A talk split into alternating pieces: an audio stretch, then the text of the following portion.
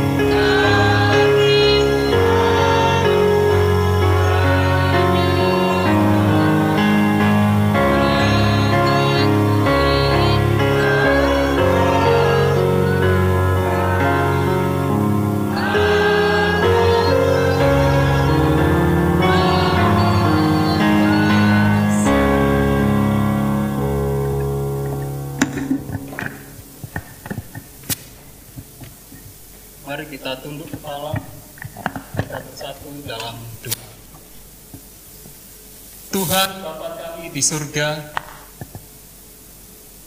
saat ini Tuhan, kami yakin Tuhan ada di tempat ini.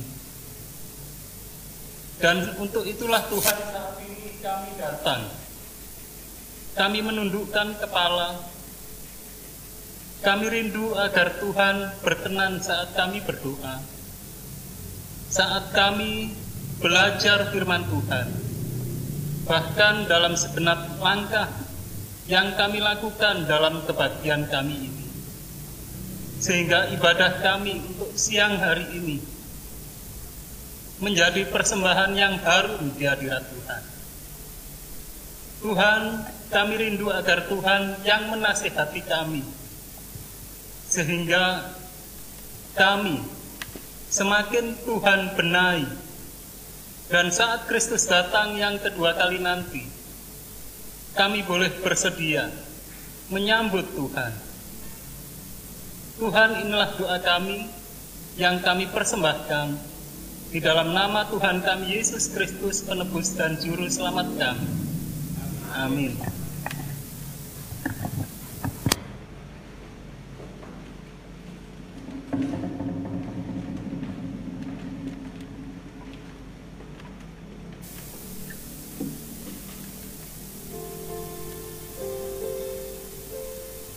Bapak Ibu, saudara-saudara yang dikasihi Tuhan, saya sampaikan selamat pagi dan selamat hari Sabat. Di tengah-tengah kita, Bapak Ibu ada tamu dari Kalimantan. Namanya kalau tidak salah tadi uh, Saudari Ana. Selamat datang, selamat berbakti bersama-sama dengan jemaat Jember.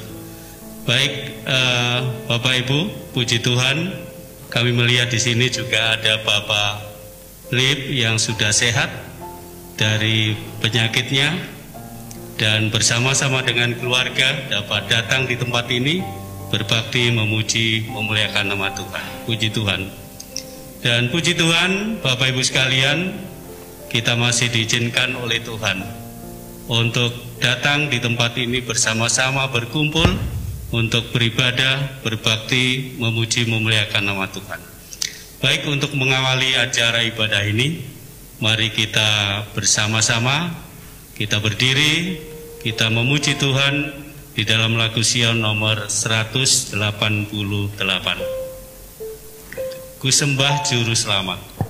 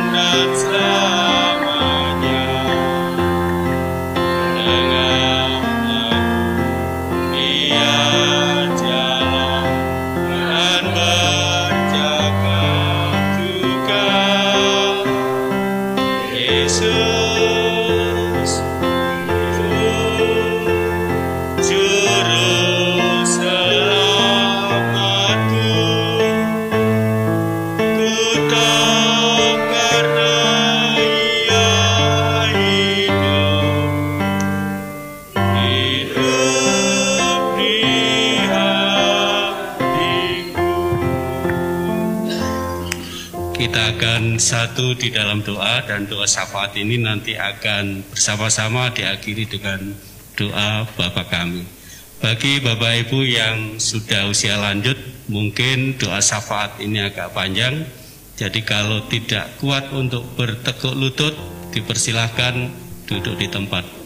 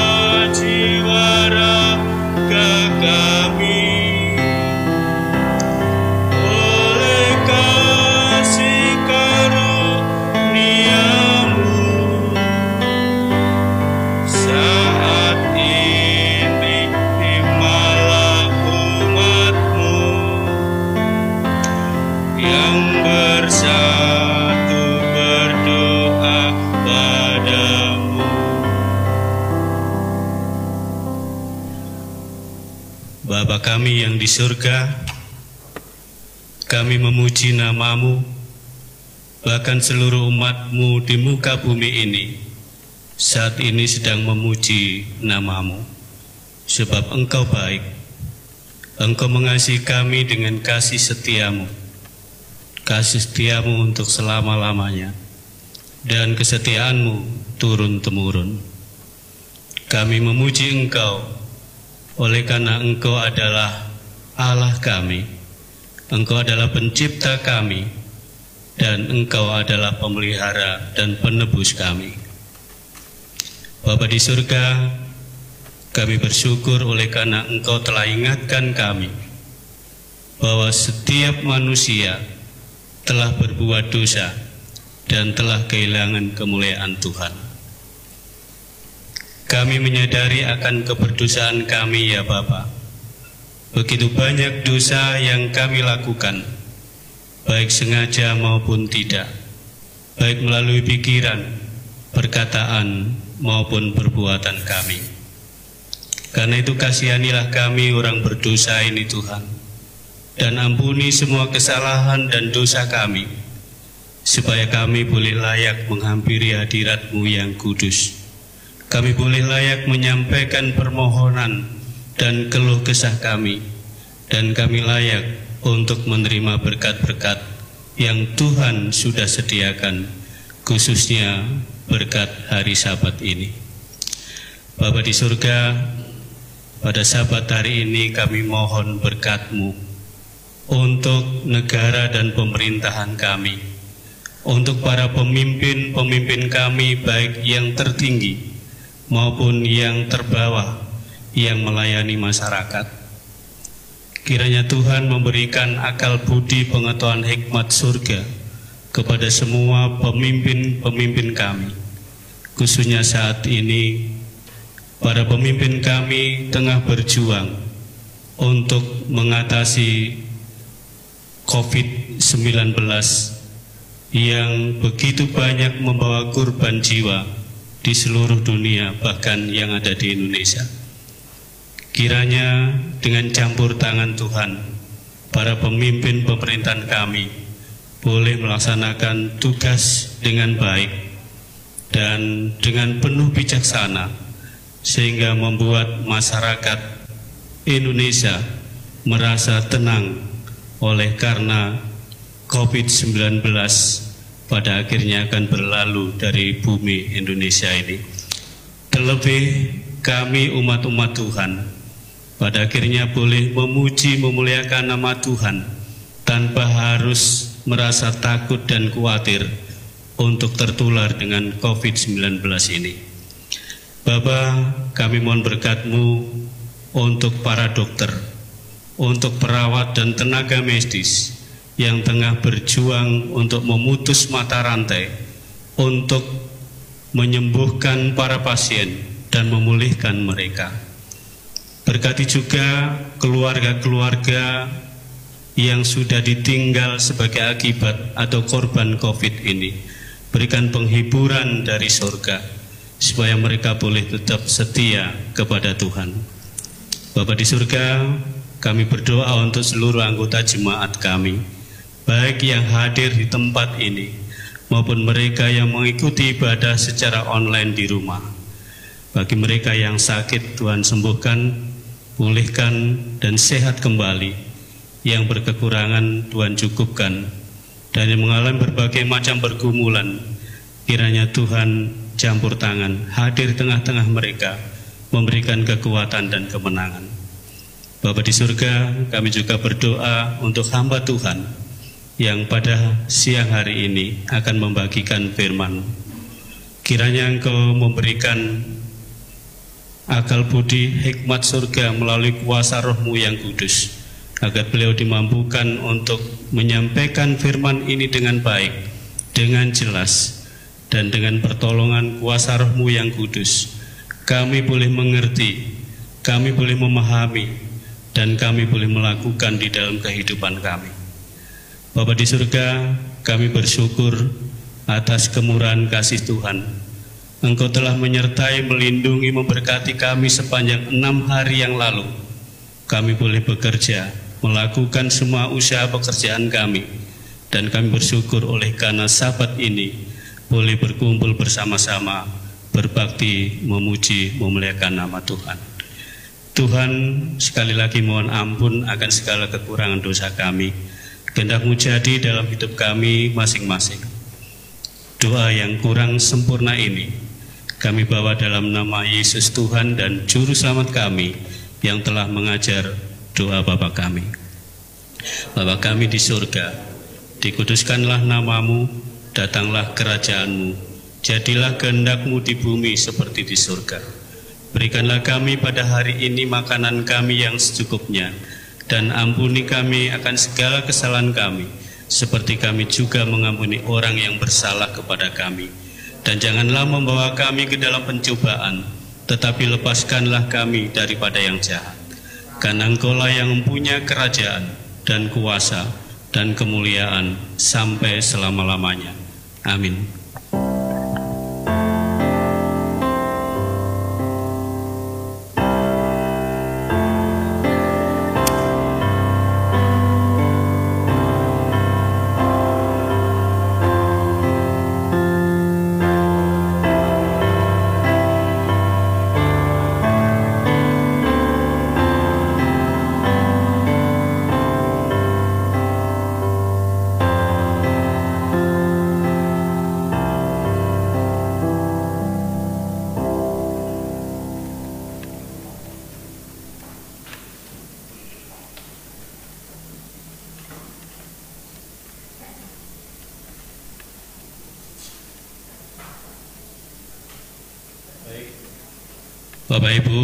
Dikasih Tuhan, saatnya kita akan mengumpulkan persembahan untuk Tuhan pada hari Sabat ini.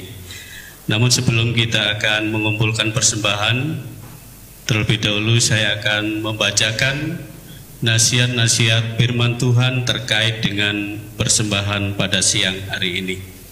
Dengan judul saat Paulus menempatkan Tuhan yang terutama.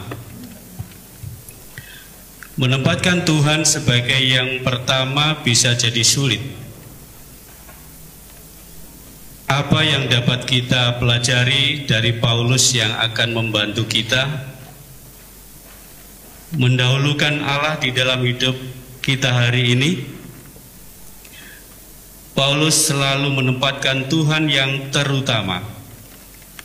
Tetapi saat dia menganiaya para pengikut Yesus, Paulus tidak dapat melihat apa yang di hadapannya. Hanya ketika saat Paulus jatuh ke tanah dan dibutakan oleh cahaya Yesus, dia mulai benar-benar melihat. Bagi Paulus, menempatkan Tuhan yang terutama berarti mempertanyakan asumsinya dengan rendah hati dan kembali kepada kitab suci. Setelah tiga tahun di Arab, Paulus kembali dengan keyakinan baru bahwa Tuhan tidak pernah menyerah pada dunia. Yesus adalah juru selamat yang ingin menjangkau setiap manusia. Paulus terus menempatkan Tuhan yang terutama saat dia melakukan perjalanan dari kota ke kota dan desa ke desa untuk memberitakan Yesus. Tidak ada yang dapat menghalangi Paulus untuk menempatkan Tuhan yang terutama, termasuk banyak kali orang mencoba untuk membunuhnya.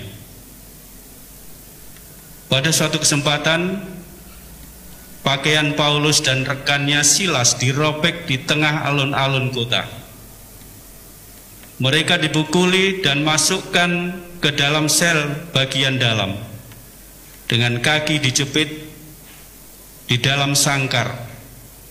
Meskipun dalam kondisi berdarah-darah dan memar Paulus dan Silas melakukan hal yang tak terpikirkan. Alih-alih mengeluh mereka menyembah Tuhan. Jika Anda berada pada saat terendah Anda saat ini dan segala sesuatu tampak salah tidak ada waktu yang lebih baik untuk beribadah daripada hari ini. Kemudian Tuhan mengirimkan gempa bumi dengan asumsi pada tahanan para tahanan telah melarikan diri. Petugas yang bertanggung jawab mengambil pedang untuk bunuh diri. Paulus dan Silas ingat pemukulan, penyiksaan, dan penghinaan yang dilakukan petugas itu. Agar Paulus dan Silas membalas dendam yang perlu mereka lakukan hanyalah menunggu tubuh petugas itu menyentuh tanah. Tetapi Paulus dan Silas adalah tipe orang yang menempatkan Tuhan yang terutama dalam hitungan detik. Mereka memutuskan untuk memaafkan petugas itu dan berteriak agar dia berhenti. Petugas itu dan keluarganya bertemu Yesus. Dan di akhir malam itu, mereka juga menyembah Raja segala Raja. Paulus dan Silas telah menempatkan Tuhan yang terutama. Teladan mereka memaksa kita melakukan hal yang sama. Saat mengumpulkan perpuluhan dan persembahan, kita ditantang untuk menempatkan Tuhan yang pertama.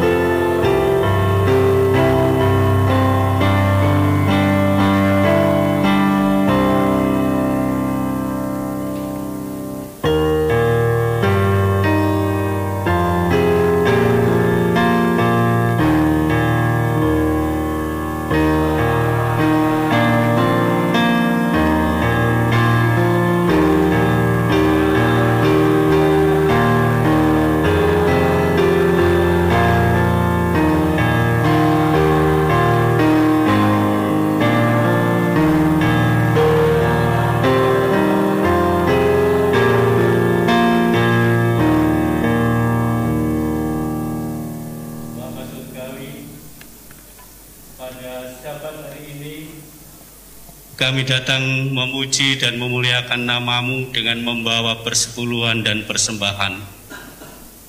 Kiranya engkau berkati persembahan ini, agar dapat digunakan untuk membantu menyelesaikan pekerjaan Tuhan, khususnya yang ada di wilayah konferen Jawa kawasan timur, atau wilayah lain yang membutuhkan bantuan keuangan.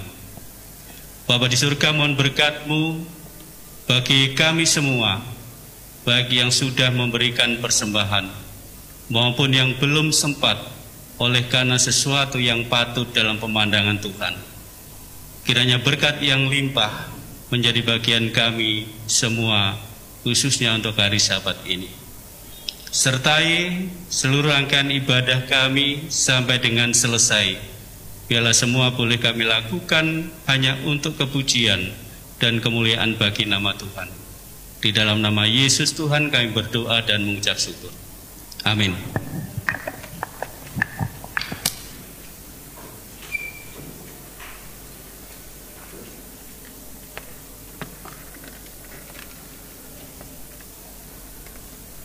Baik Bapak Ibu sekalian, uh, mungkin ada Bapak Ibu yang ingin memberikan lagu pujian pada kesempatan hari ini.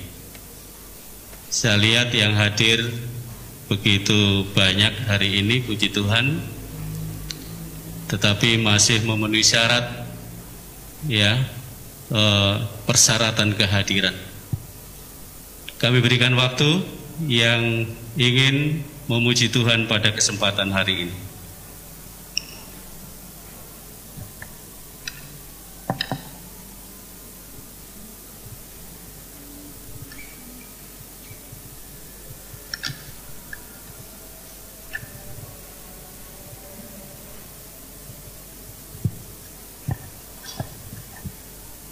Silakan yang ingin memuji Tuhan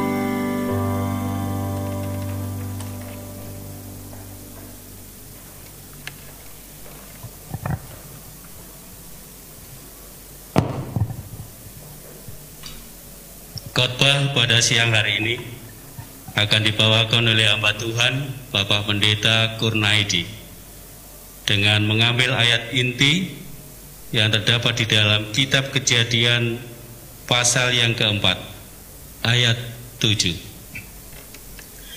Apakah mukamu tidak akan berseri jika engkau berbuat baik?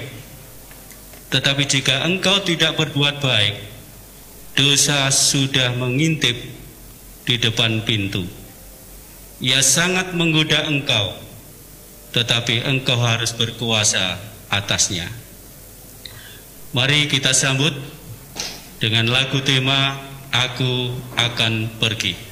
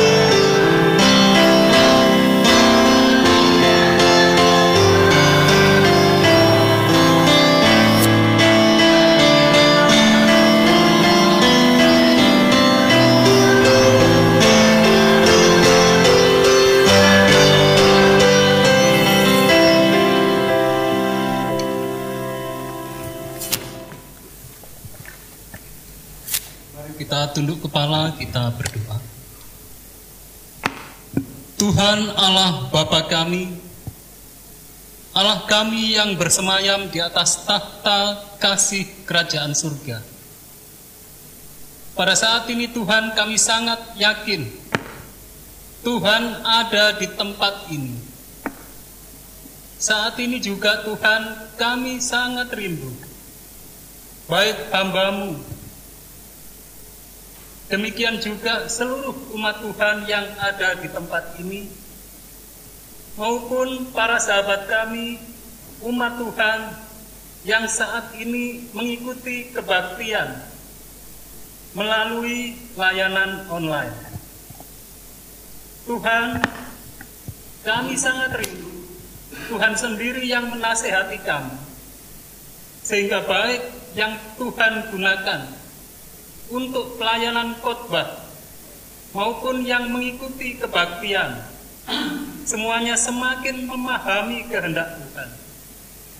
Kami sangat rindu Tuhan membimbing, menolong kami agar kami semuanya semakin berbenah diri oleh karena karya Roh Kudus sehingga saat Kristus datang yang kedua kali nanti kami semuanya boleh bersuka cita dan kami semuanya boleh menerima karunia hidup kekal untuk hidup di dunia baru. Terima kasih Tuhan, kami sangat yakin jawaban Tuhan jauh lebih baik dari apa yang dapat kami aturkan dalam segala keterbatasan kami ini. Karena semuanya kami persembahkan di dalam nama yang terindah, Tuhan kami Yesus Kristus, penebus dan juru selamat kami. Amin. Silakan duduk kembali.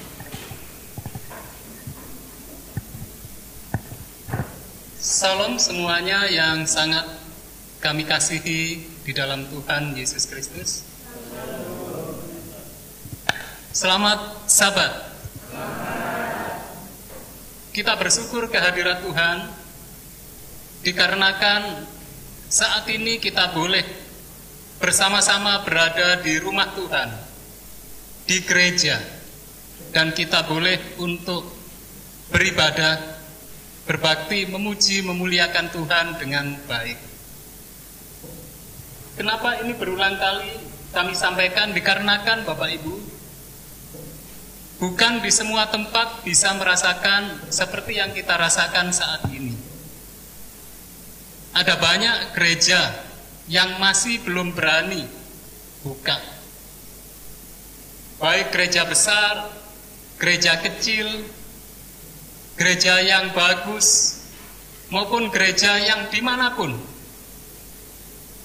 Ada banyak gereja yang belum berani, belum bisa merasakan seperti yang kita rasakan saat ini.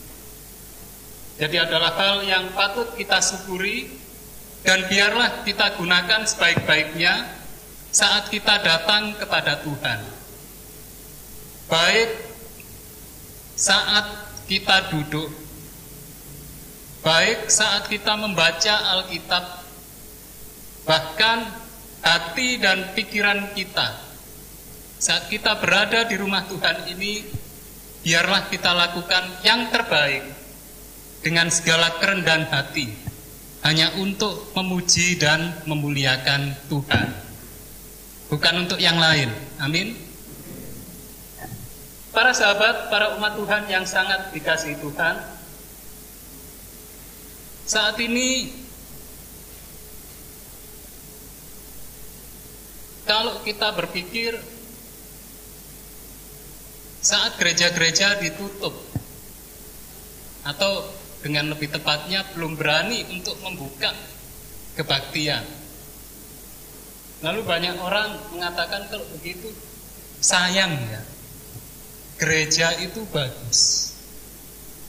Peralatannya juga bagus. Umatnya banyak. Tapi belum bisa kebaktian.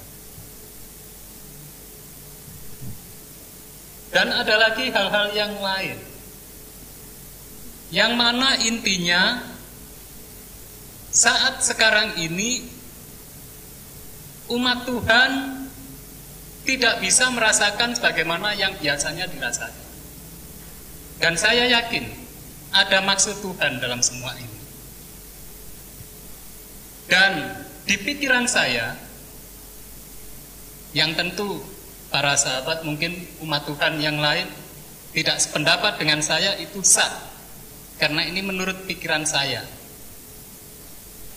Bisa jadi Tuhan ingin agar kita Terlepas kita memiliki gereja yang bagus, umatnya banyak, peralatannya bagus, tapi kita memiliki hubungan yang benar dengan Tuhan. Terlepas dari segala hal yang bisa dilihat, hati kita bisa benar-benar merasakan hadirat Tuhan. Sehingga kalau demikian, apakah kita di gereja atau di mana pun, kita tetap dapat beribadah dengan baik.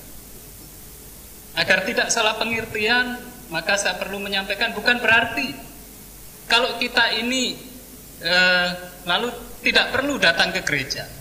Sangat perlu untuk datang ke gereja. Sangat perlu karena di gereja inilah salah satu proses untuk penyucian kita. Di gereja ini kita akan menjumpai banyak hal ada yang menyenangkan, ada yang membuat kita bersuka cita. Tapi ada juga di gereja ini terkadang hal yang tidak kita inginkan. Nah, di sinilah penyucian kita. Saat kita menghadapi hal yang tidak diinginkan, bagaimana kemudian kita menyikapinya? Ini Bapak Ibu perlu untuk kita ini lebih berdoa, lebih bergumul, dan dengan demikian maka kita semakin naik level kerohanian kita. Saat mungkin kita merasa jengkel, di situlah kita kemudian minta ke Tuhan agar Tuhan menolong kita Tuhan, tolong saya karena saya dibuat jengkel, tolong saya untuk lebih sabar. Sehingga kemudian saat kita menghadapi hal-hal yang menjengkelkan, kita berlatih untuk sabar. Kita berlatih untuk sabar. Saat mungkin kemudian di gereja kita merasa saya ini harusnya paling disanjung. Tapi kemudian orang justru mungkin tidak memperhatikan kita Di situlah saatnya kita memohon pertolongan Tuhan. Tuhan tolong agar saya lebih rendah hati. Agar saya tidak menonjolkan diri saya, agar saya lebih menyangkal diri saya, sehingga saya bisa semakin lebih menjadi berkat bagi orang-orang lain. Ini salah satu proses penyucian. Bisa dikatakan kalau dalam bahasa Jawanya, eh, telur akan kelihatan telur itu baik atau tidak kalau telur itu sudah didadar, sudah dibuka. Kalau telur itu masih di dalam, masih belum jelas. Tapi begitu telur itu dibuka, baru kelihatan telur ini bagus atau tidak. Begitu juga dalam bahasa Jawanya dikatakan. Ilmu itu, ilmu itu laku nenek wis ketemu. Benar enggak Bapak Ibu?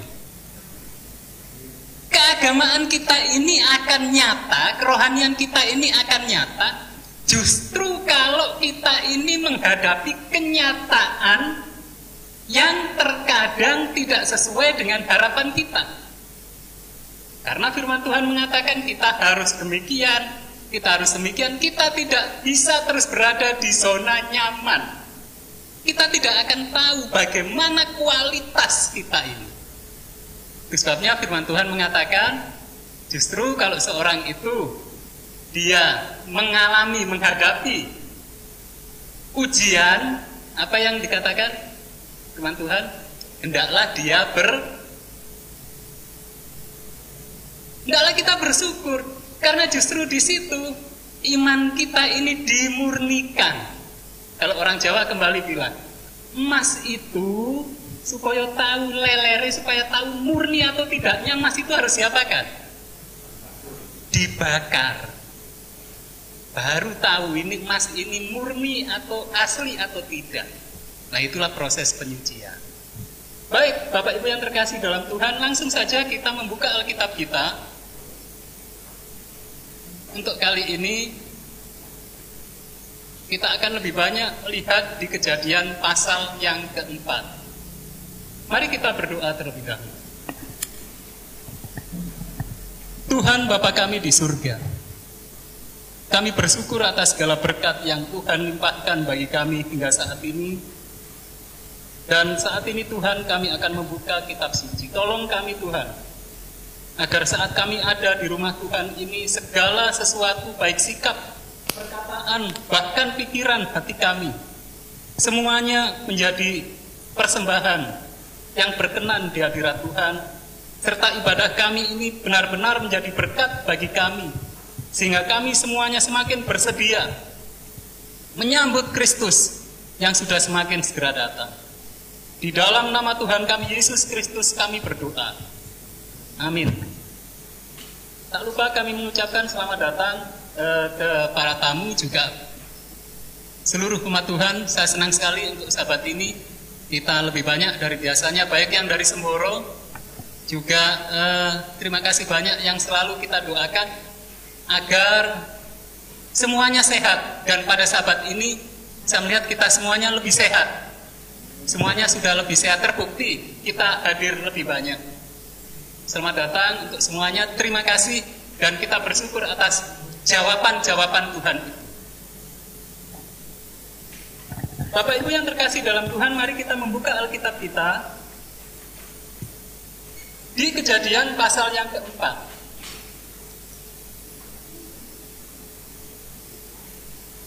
Kejadian pasal yang keempat. Pasal 4 ini ayat 1 sampai dengan ayat yang ke-16 ini satu perikop ini berjudul Kain dan Habel. Kita semuanya tahu mengenai kisah Kain dan Habel. Kain dan Habel adalah dua bersaudara pertama dari dua manusia pertama. Ini menarik Bapak Ibu. Kain dan Habel ini dua bersaudara pertama dari dua manusia pertama, yaitu Adam dan Hawa. Kemudian di kejadian pasal yang keempat ayat 1 sampai 16 ini inilah pertama kali ditunjukkan bagaimana umat Tuhan itu beribadah secara praktis ke Tuhan. Nah, tentu sebagai dua saudara, dua saudara ini yang saling satu kakak dan satu adiknya ini, mereka dalam kehidupannya waktu itu mereka hidup fine, baik, saling mengasihi antara kakak dan adik. Tidak diceritakan bahwa mereka ini kehidupannya lalu kontok-kontok anda. Ya, mereka hidup secara baik. Bagaimana seorang kakak dan adik dengan ibunya Hawa dan bapaknya Adam yang baru saja mereka ini e, mengalami satu peristiwa yang tidak diharapkan karena mereka harus diusir dari Taman Eden. Nah, sebelum mereka ini beribadah, mereka baik-baik. Lalu kemudian renungan kita atau khotbah kita kita awali kita membuka di ayat yang ketiga, saya akan bacakan. Di ayat yang ketiga, tidak ada di dalam uh, di layar proyektor, kita buka Alkitab kita. Setelah beberapa waktu lamanya, maka Kain mempersembahkan sebagian dari hasil tanah itu kepada Tuhan sebagai korban persembahan. Ayat yang keempat. Habel juga mempersembahkan korban persembahan dari anak sulung kambing dombanya, yakni lemak-lemaknya. Maka Tuhan mengindahkan Habel dan korban persembahannya itu. Ini satu hal yang baik. Dua bersaudara, mereka kemudian datang untuk menyembah Tuhan. Tidak ada yang salah di sini. Ini sangat baik. Nah, dikatakan di sini di ayat yang keempat yang tadi kita baca, maka Tuhan mengindahkan Habel dan korban persembahannya. Puji Tuhan. Jadi korban persembahan Habel diindahkan, diterima oleh Tuhan. Tetapi kisahnya menjadi berubah. Diawali di ayat yang kelima. Mari kita baca. Tetapi, nah ini ya, kalimat tetapi ini sering kali menjadi satu kalimat kontras. Setelah pada awalnya semua baik-baik, kemudian puji Tuhan, persembahan Habel diterima oleh Tuhan, Nah, ayat yang kelima, tetapi kontras. Apa yang menjadi tetapi di sini? Kain dan korban persembahannya tidak diindahkannya. Tidak diindahkan Tuhan. Lalu dikatakan hati Kain menjadi sangat panas dan mukanya muram. Nah, Bapak Ibu yang terkasih dalam Tuhan, ini sangat perlu untuk kita cermati. Saat beribadah kepada Tuhan, kalau kita ditanya sekarang ini, secara gampangnya kita, kalau kita beribadah, berbakti kepada Tuhan, apa yang ada dalam pikiran kita, apa yang mendorong kita sehingga kita kok repot-repot dari rumah kita ini lalu kita harus mandi pagi kemudian kita menggunakan pakaian yang e, rapi kemudian kita harus berangkat ke gereja dan semuanya itu memakan waktu, memakan biaya, memakan tenaga. Lalu tadi saya katakan juga kadang bahkan di gereja ada hal yang tidak kita harapkan tapi kita mau saja tiap sabat kita ke gereja. Bahkan mungkin lebih dari sabat Rabu atau yang lain. Apa yang mendorong kita ini untuk beribadah kepada Tuhan? Apa kira-kira Bapak Ibu? Apa tujuan kita? Motivasi kita sehingga kita datang, kita melakukan ibadah menyembah Tuhan ini. Apa kira-kira? Ada yang secara volunteer memberikan tanggapan?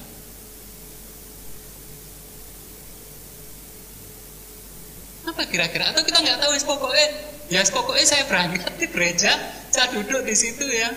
Jadi duduk, diam, dengar, kalau ngantuk ya tidur, lalu selesai pulang. Atau gimana kira-kira?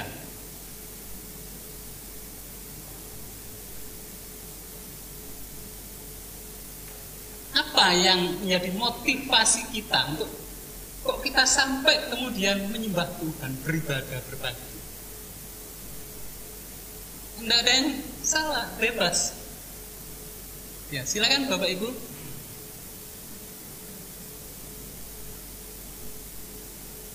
Dari saya ingin dari yang paling senior, mungkin Opa, Opa ya. Kira-kira apa Opa? Nah ini Opa ini malah menarik Bapak Ibu dari dari Bondowoso ya, jauh.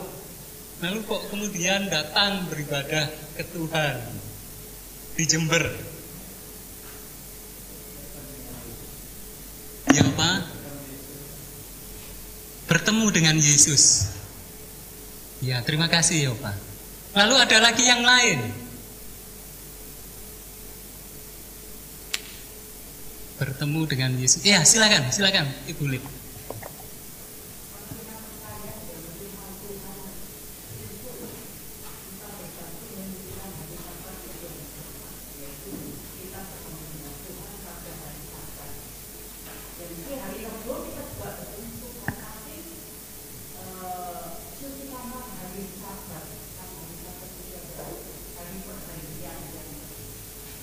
Amin, amin. Terima kasih.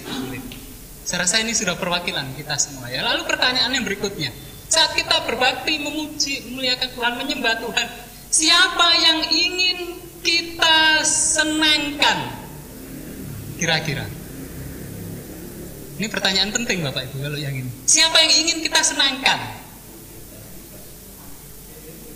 Tuhan Yesus ya. Sama semua? Amin. Amin. Saat kita berbakti, memuji, memuliakan Tuhan, namanya memuji, memuliakan Tuhan, menyembah, yang kita senangkan, yang kita tinggikan, yang kita agungkan, kita muliakan adalah tu Tuhan. Amin. Amin. Tetapi dalam kisah Kain dan Habel ini, ini menarik. Kalau memang Kain dan Habel ini dua-duanya ingin menyenangkan Tuhan, memuji yang dimuliakan itu Tuhan, yang ditinggikan itu Tuhan. Sebenarnya tidak masalah kalau toh persembahan dari kain ini tidak diterima. Yang akan dilakukan oleh kain, maka dia akan mengevaluasi diri. Bagaimana ya caranya agar persembahan saya ini yang berikutnya bisa diterima? Supaya saya menyenangkan Tuhan supaya Tuhan lebih dimuliakan melalui persembahan saya. Benar Bapak Ibu harusnya demikian? Harusnya demikian.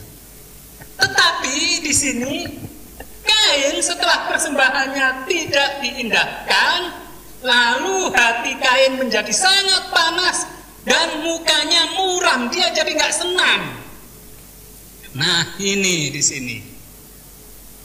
Di sini kita bisa melihat bahwa Kain saat dia datang mempersembahkan yang terbaik kepada Tuhan dari hasil uh, pekerjaannya sesungguhnya tersimpan dalam benaknya agar dia yang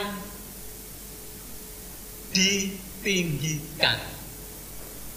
Dia mencari kesenangan dalam ibadahnya.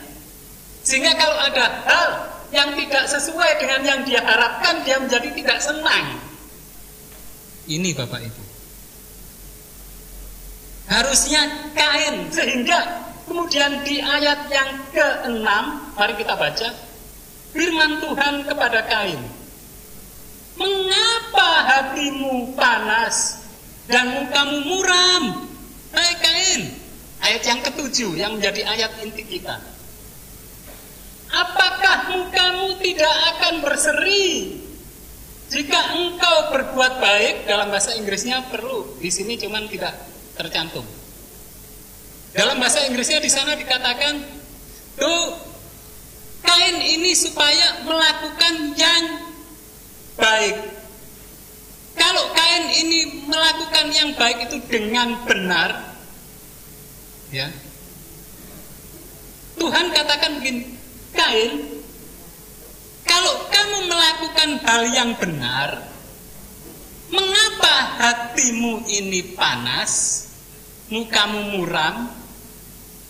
Nah, di sini sebenarnya Tuhan ingin untuk kain ini mengevaluasi dirinya. Iya ya, kenapa ini? Kalau aku kan sudah melakukan hal yang baik, hal yang benar, tapi mengapa kok kemudian hatiku panas? Kok mukaku muram? Tuhan ingin agar kalian mengevaluasi. Bapak Ibu ini juga menjadi pertanyaan bagi kita semua. Apakah saat saya datang kepada Tuhan? Apakah ketika saya beribadah kepada Tuhan? Bukan hanya hari sabat, tetapi setiap hari. Hati saya benar-benar tidak menyimpan satu rasa agar saya ditinggikan, agar saya dimuliakan, agar saya disenangkan. Agama yang benar adalah agama yang berpusat untuk Tuhan. Sehingga agama yang benar akan selalu memuji, memuliakan Tuhan dan hanya Tuhan yang akan dan memang patut ditinggikan, dimuliakan bukan yang lain. Amin Bapak Ibu. Hal ini tidak terjadi pada kain. Bapak Ibu yang terkasih dalam Tuhan. Kutipan roh nubuat menyatakan demikian. Jikalau pada akhirnya kita akan diselamatkan, maka kita semua harus mempelajari pelajaran kesabaran dan iman di kaki salib. Saya ulangi. Jikalau pada akhirnya kita akan diselamatkan, maka kita semua harus mempelajari pelajaran apa? Kesabaran dan iman di mana? Di kaki salib. Kalau kita melihat ke salib, siapa Tuhan Yesus itu? Dia raja di atas segala raja. Dialah yang ditinggikan, dimuliakan baik di surga dan di bumi. Dia juga tidak ada salah sedikit pun. Tidak ada salah. Baik yang dilakukan, yang dikatakan, bahkan yang ada dalam hati, dalam pikiran tidak ada satu titik noda pun hal yang salah dari diri Tuhan Yesus. Tapi Tuhan Yesus, dia ada di kayu salib, tempat orang yang paling jahat. Dan Tuhan Yesus yang harusnya dia ditinggikan, dimuliakan. Dia bukan saja dihina, tetapi harus dibunuh, dibantai dengan sangat dan paling kejam yang pernah dilakukan di dunia ini. Tetapi Tuhan Yesus bagaimana Bapak Ibu? dia tidak kemudian eh saya ini paling ditinggikan di surga dan di bumi lalu Tuhan Yesus bisa saja waktu itu kemudian dia jangankan menggerakkan tangannya dia hanya berkata gempa bumi saat itu juga gempa bumi Bapak Ibu Jangan lupa alam semesta ini diciptakan hanya dengan firman selama enam hari. Kalau Tuhan mau bicara yang negatif waktu itu satu kata saja. Ambiar bisa dikatakan waktu itu. Tapi Tuhan tidak demikian. Itulah yang harus kita semua harus belajar bagaimana kita ini sabar dan iman. Ini yang harus kita pelajari. Kalau kita ingin nanti kita ada di surga, kita ada di dunia baru. Berikutnya, SDA Bible Commentary, volume 1 halaman 240. Langsung saya terjemahkan secara bebas. Allah menginginkan agar Kain memahami apa yang harus diperbaiki dalam caranya dan dia hidup sesuai dengan kehendak Tuhan.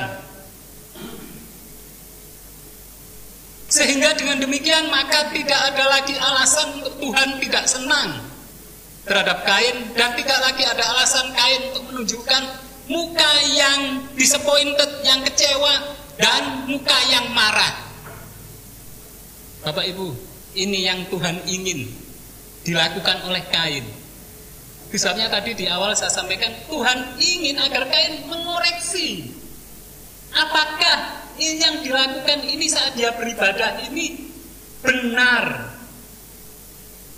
Ini Bapak Ibu, hati-hati. Saat kita ini mengaku sebagai umat Tuhan yang beribadah, hati-hati. Hati-hati. Apakah dengan ibadah kita itu justru menjadikan kita ini lebih dekat ke Tuhan atau tidak? Jangan lupa. Jangan lupa yang menjadikan Tuhan Yesus mati di atas kayu salib itu bukan perampok, bukan penjahat, tapi siapa Bapak Ibu? Orang-orang yang mengaku dirinya beribadah. Ini Bapak Ibu, hati-hati. Itu sebabnya pelajaran mengenai Kain dan Habel ini sangat penting ini menjadi satu evaluasi bagi kita semuanya saat kita beribadah. Harusnya seorang yang beribadah itu dia melakukan yang terbaik, tapi dia menjauhkan hatinya dirinya agar dia memiliki perasaan dirinya dianggap yang terbaik. Tapi sayangnya banyak yang terbalik. Justru ingin dianggap saya yang paling hebat, saya paling menguasai doktrin, saya paling berpengalaman. Saya orang yang paling alim. Sehingga ada banyak perpecahan, ada banyak pertikaian dikarenakan ibadah. Seperti halnya Kain dan Habel. Dulunya sebelum mereka beribadah di sini dikatakan baik-baik. Tapi justru setelah mereka selesai beribadah, maka Kain justru membunuh adiknya Habil. Ini Bapak Ibu, sekali lagi hati-hati. Hati-hati. Tuhan ingin agar kita lebih dekat dengan Tuhan saat kita beribadah, tapi setan setan selalu membuat satu hal yang kelihatannya baik, kelihatannya benar. Tapi pada akhirnya dari buahnya akan kelihatan apakah ini baik atau benar. Kalau buahnya ternyata menjadikan seorang itu sombong, seorang itu angkuh, seorang itu merasa paling, berarti ini ada yang salah. Dan hati-hati. Itu kemudian firman Tuhan katakan di sini, apakah mukamu tidak akan berseri jika engkau berbuat baik? Tetapi jika engkau tidak berbuat baik, dosa sudah mengintip di depan pintu ia sangat menggoda engkau, tetapi engkau harus berkuasa atasnya. Bapak Ibu yang terkasih dalam Tuhan. Yang selanjutnya, mari kita membuka Alkitab kita mengenai pentingnya kita saat beribadah ini apa yang harus kita lakukan. Kita membuka Alkitab kita di Perjanjian Baru. Kali ini kita membuka Matius pasal 22. Satu kisah yang biasa yang kita semuanya sudah tahu kisahnya pasal 22 ayat 1 sampai 14 mengenai perumpamaan tentang perjamuan kawin. Bapak Ibu yang terkasih dalam Tuhan, perumpamaan ini merupakan serangkaian perumpamaan yang disampaikan oleh Tuhan Yesus kepada mari kita perhatikan kepada siapa Tuhan Yesus ini bicara? Di Matius pasal 21 kita bisa membaca itu di ayat yang ke-23. Saya akan baca. Lalu Yesus masuk ke bait Allah dan ketika ia mengajar di situ, datanglah siapa Bapak Ibu? Matius 21 ayat 23 datanglah siapa? imam-imam kepala serta tua-tua bangsa Yahudi kepadanya. Coba lihat. Yang datang pada Tuhan Yesus orang yang jelek atau orang yang kelihatan baik. Orang yang kelihatan sangat baik. Imam-imam kepala serta tua-tua bangsa Yahudi. Ini bukan orang Samaria atau bangsa lain yang tidak mengenal Tuhan. Mereka ini orang-orang yang hafal hukum Tuhan dan mereka kalau dilihat secara kasat mata, mereka ini begitu alim kelihatan secara kasat mata ya. Dan mereka inilah yang datang kepada Tuhan. Nah, kepada mereka ini kemudian Tuhan menyampaikan beberapa perumpamaan. Yang pertama, perumpamaan tentang dua orang anak. Bisa kita baca di pasal 21 Injil Matius ayat 28 dan 32. Kemudian perumpamaan yang kedua, perumpamaan tentang penggarap-penggarap kebun anggur. Di ayat 33 sampai 46 Injil Matius pasal 21. Dan yang perumpamaan yang berikutnya, lalu Yesus berbicara pula dalam perumpamaan kepada mereka, orang-orang yang datang lagi tadi di ayat 1 sampai ayat yang ke-14 pasal 22 yang sekarang sedang kita bahas. Perumpamaan tentang perjamuan kawin. Ayat 2. Hal kerajaan surga seumpama seorang raja yang mengadakan perjamuan kawin untuk anaknya Tadi, kalau kita ingin nanti ada di surga, ada di dunia baru, maka kita harus belajar sabar dan dengan iman di kaki salib. Nah inilah sehubungan dengan itu. Di Matius pasal 22 ayat 1 sampai 14 ini yang sekarang kita lihat. Hal kerajaan surga seumpama seorang raja yang mengadakan perjamuan kawin untuk anaknya. Singkat cerita, raja itu kemudian menyampaikan undangan dan banyak orang yang datang. Setelah orang banyak datang, pesta mau dimulai. Nah, saat pesta mau dimulai itulah kemudian raja itu masuk. Pada saat raja masuk, mari kita lihat sekarang di ayat yang ke-11. Saya akan baca. Matius pasal 22 ayat yang ke-11. Demikian firman Tuhan. Ketika raja itu masuk untuk bertemu dengan tamu-tamu itu, ia melihat seorang yang tidak berpakaian pesta. Kita lihat di sini. Yang dilihat oleh Tuhan ini para tamu. Dan rupanya Tuhan ini melihat dengan teliti satu persatu tamunya ini. Sehingga didapati seorang yang tidak berpakaian pesta. Banyak orang yang datang waktu itu. Sehingga saya ingin bacakan di ayat yang ke-14 langsung supaya nanti kita bisa lebih paham mengenai konteksnya di sini. Sebab banyak yang dipanggil tapi sedikit yang dipilih. Jadi banyak orang waktu itu yang datang. Tetapi kemudian dipilih di sana. Dipilih. Kira-kira mana orang yang siap, orang yang layak untuk menerima perjamuan kawin ini? Sehingga diteliti satu persatu. Dan kita lihat di sini, yang menjadi masalah adalah ada seorang yang tidak mengenakan pakaian pesta. Ini masalah. Ini masalah. Lalu di ayat yang ke-12 dan 13 mengatakan demikian. Ia berkata kepadanya, orang yang tidak mengenakan pakaian pesta. Hai saudara, bagaimana engkau masuk kemari dengan tidak mengenakan pakaian pesta? Tetapi orang itu diam saja. Kita lihat sekarang di ayat yang ke-13. Lalu kata raja itu kepada hamba-hambanya. Ia di sini satu hal yang sangat serius. Ikatlah kaki dan tangannya. Serius Bapak Ibu.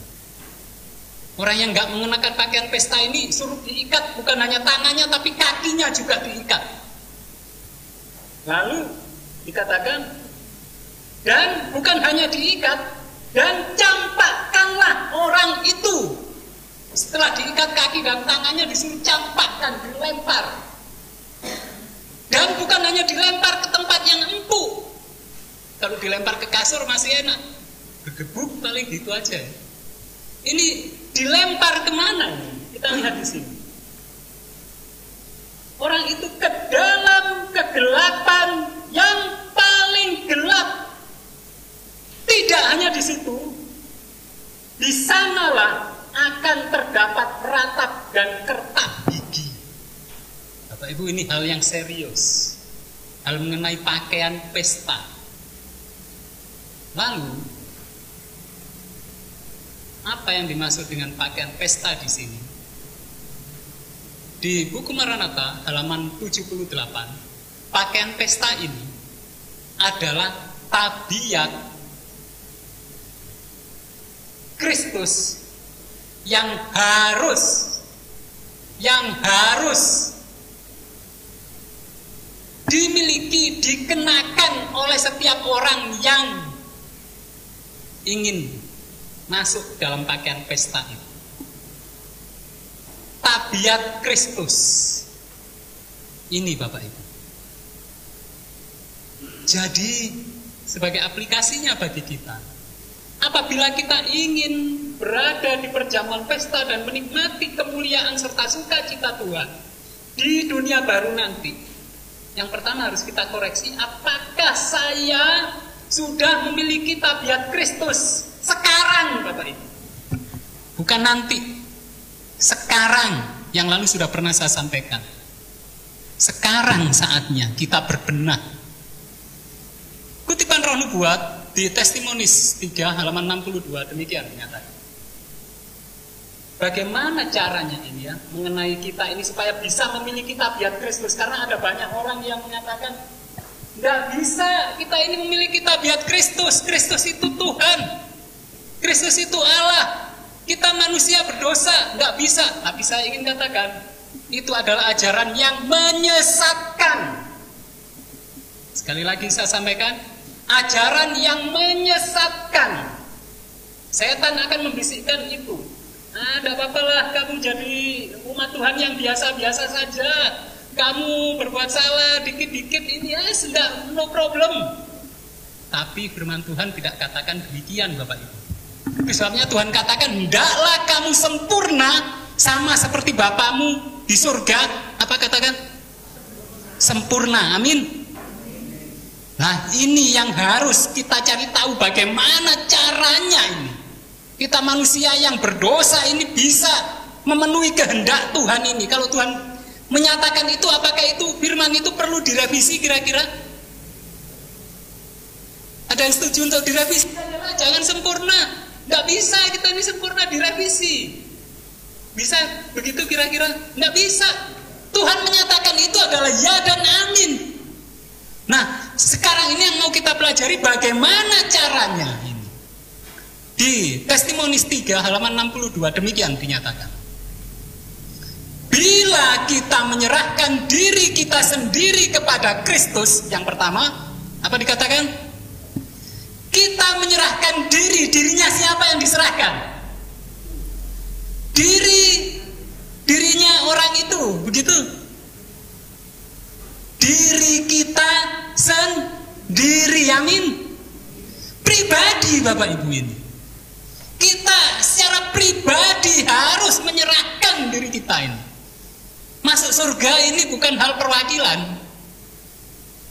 Ini kalau nanti hanya mengharapkan Eh, ketua jemaat saja atau pendeta saja hanya pendeta dan ketua jemaat nanti yang masuk surga.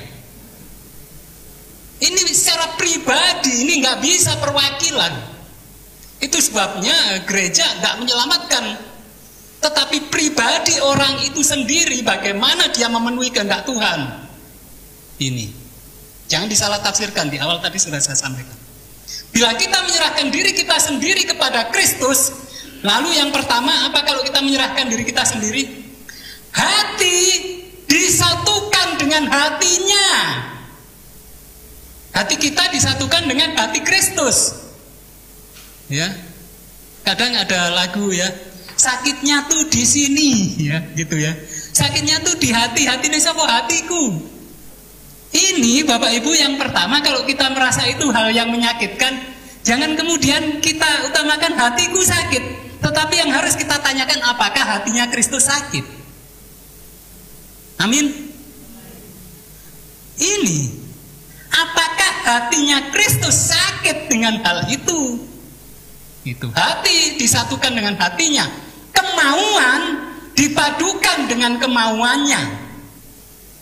Bukan sakarepe dewi kemauan kita dipadukan dengan kemauan Tuhan kemauan Kristus. Bukan saya maunya gini kok. Tunggu dulu apakah Kristus mau yang seperti itu? Nah ini berikutnya pikiran menjadi satu dengan pikiran Kristus pikirannya. Pikiran telah ditawan kepadanya. Maka dikatakan di sini, kita akan menghidupkan kehidupannya. Kalau hati, kemauan, pikiran kita sudah menyatu dengan Kristus, maka kita akan menghidupkan kehidupannya. Inilah yang dinamakan apa Bapak Ibu? Yang biru, berpakaian pakaian kebenarannya. Inilah yang dinamakan kita mengenakan pakaian pesta itu. Kemudian ketika Tuhan memandang kepada kita, Tuhan melihat bukan baju yang terbuat dari daun ara, bukan ketelanjangan yang dan kerusakan karena dosa kita yang berdosa tadi tetapi jubah kebenarannya sendiri, yaitu penurutan yang sempurna terhadap hukum Allah. Ini Bapak Ibu, ketika hidup kita kita serahkan ke Tuhan, hati, kemauan, pikiran kita satukan dengan Kristus, Tuhan sudah tidak melihat lagi Kurnaidi yang berdosa ini. Kurnaidi banyak dosanya Bapak Ibu. Tapi apabila Kurnaidi mau menyerahkan dirinya sendiri, hatinya Kurnaidi, kemauannya Kurnaidi, pikirannya Kurnaidi disatukan dengan Kristus. Maka Kurnaidi yang berdosa ini sudah tidak ada lagi di hadapan Tuhan. Yang kelihatan Kurnaidi yang menurut dengan sempurna terhadap hukum Allah. Inilah yang namanya kita disempurnakan. Amin. Ini Bapak Ibu. Inilah yang tidak dimiliki oleh Kain.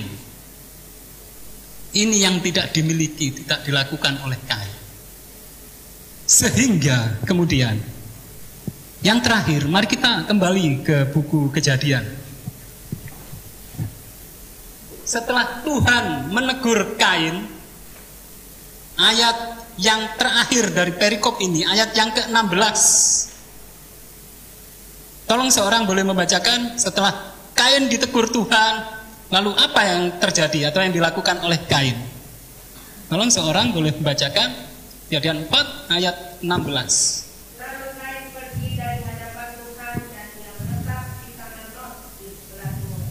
Amin. Terima kasih Ibu Luciana.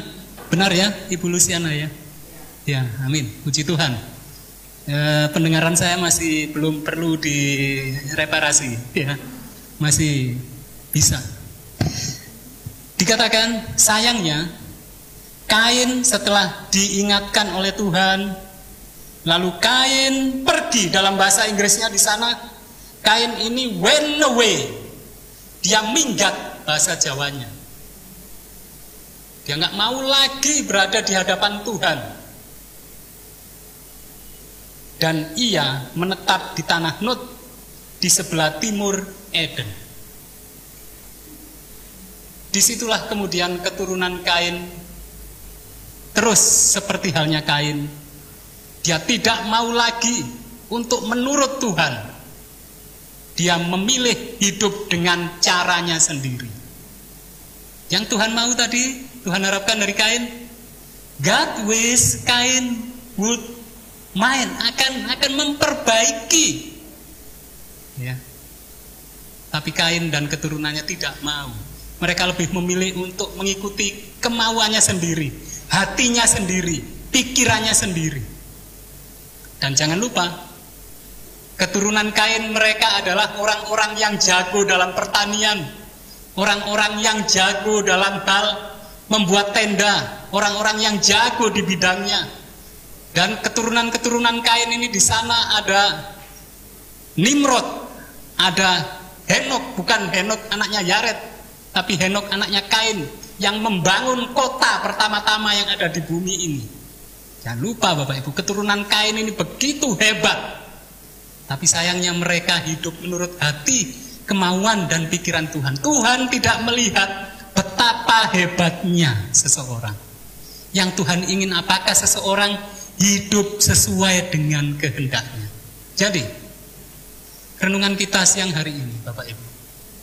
Saat kita datang kepada Tuhan, hendaklah memang kita segala yang kita lakukan, segala yang kita pikirkan, yang kita katakan, semuanya biarlah Tuhan yang dimuliakan. Amin.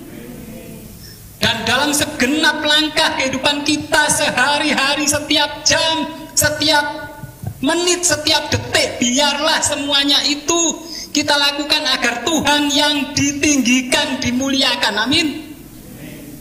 Amin. Dengan begitu kehidupan kita akan berkenan di hadirat Tuhan. Dan apabila Tuhan berkenan pada kehidupan kita, tidak ada yang mustahil bagi Tuhan. Saya suka tadi lagu pujian. Yesus hidup sekarang dan selamanya. Ada angin badai tadi ya dalam liriknya dihentikan oleh Yesus. Ada masalah apa pun disirap diselesaikan oleh Yesus. Dan Yesus yang hidup itu akan selalu bersama-sama dengan kita untuk akrab, bercakap-cakap dan selalu hadir bahkan memenuhi segenap kehidupan kita. Rasul Paulus katakan kalau Tuhan di pihakku, siapa yang mau melawan aku?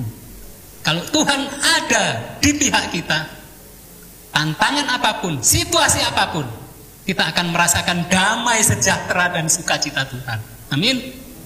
Biar ini menjadi berkat bagi kita dan saat Kristus datang, kita didapati sebagai umatnya yang setia dan saat kita masih hidup di dunia ini, kehidupan kita penuh damai sejahtera, penuh berkat, semuanya sehat, dan menjadi berkat untuk sesama kita bagi kemuliaan Tuhan. Saya sampaikan dalam nama Tuhan Yesus.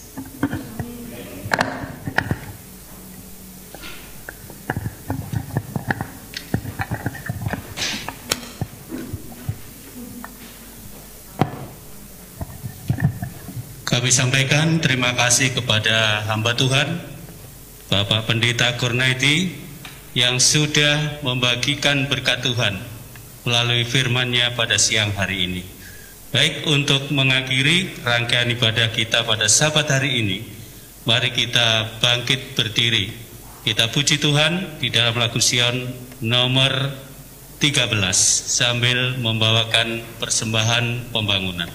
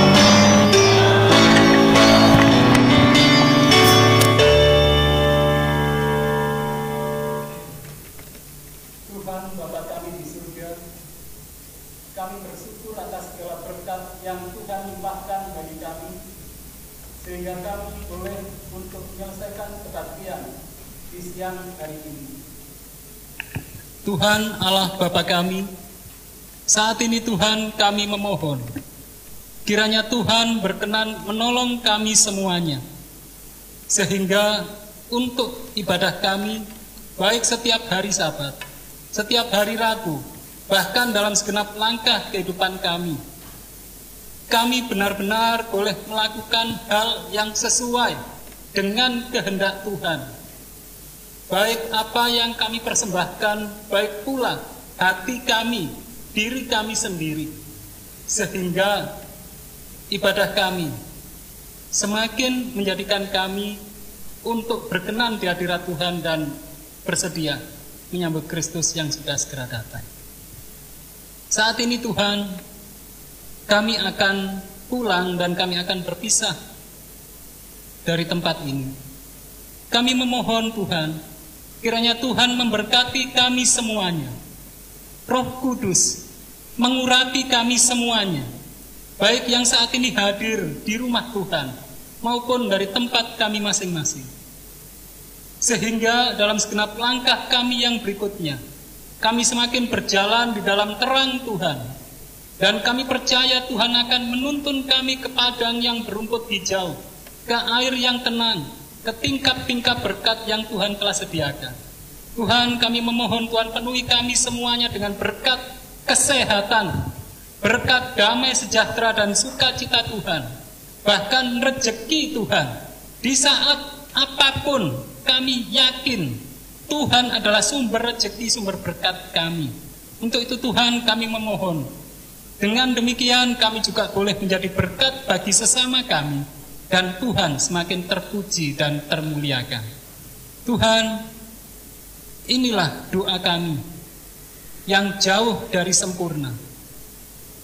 Tetapi kami sangat yakin jawaban Tuhan jauh lebih indah, lebih baik dari yang dapat kami pikirkan. Sehingga yang sakit Tuhan sembuhkan, yang lemah iman Tuhan kuatkan, yang bergumul Tuhan menangkan, dan kami boleh bertemu kembali dengan penuh damai sejahtera Tuhan. Di dalam nama Tuhan kami Yesus Kristus kami persembahkan doa kami. Amin.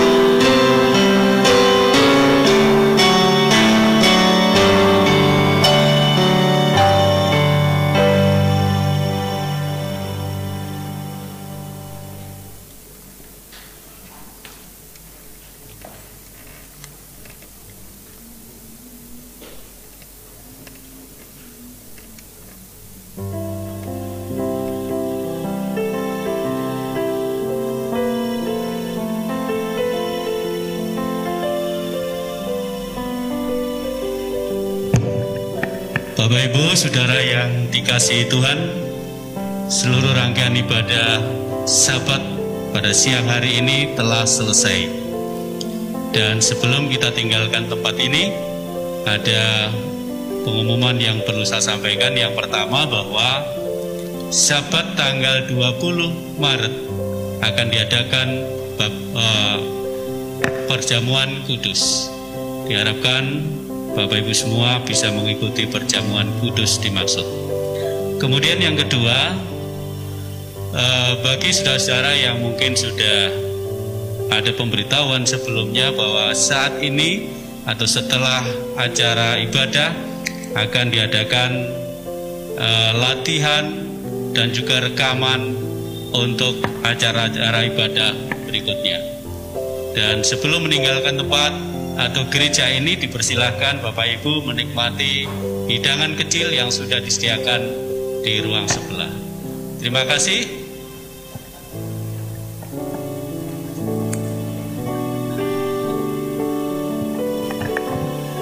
Ada yang ketinggalan sahabat ini jam 4 nanti ada acara PA. Jadi jam 4 sampai dengan selesai, sampai tutup sahabat. Terima kasih Tuhan menolong memberkati kita semua. Amin.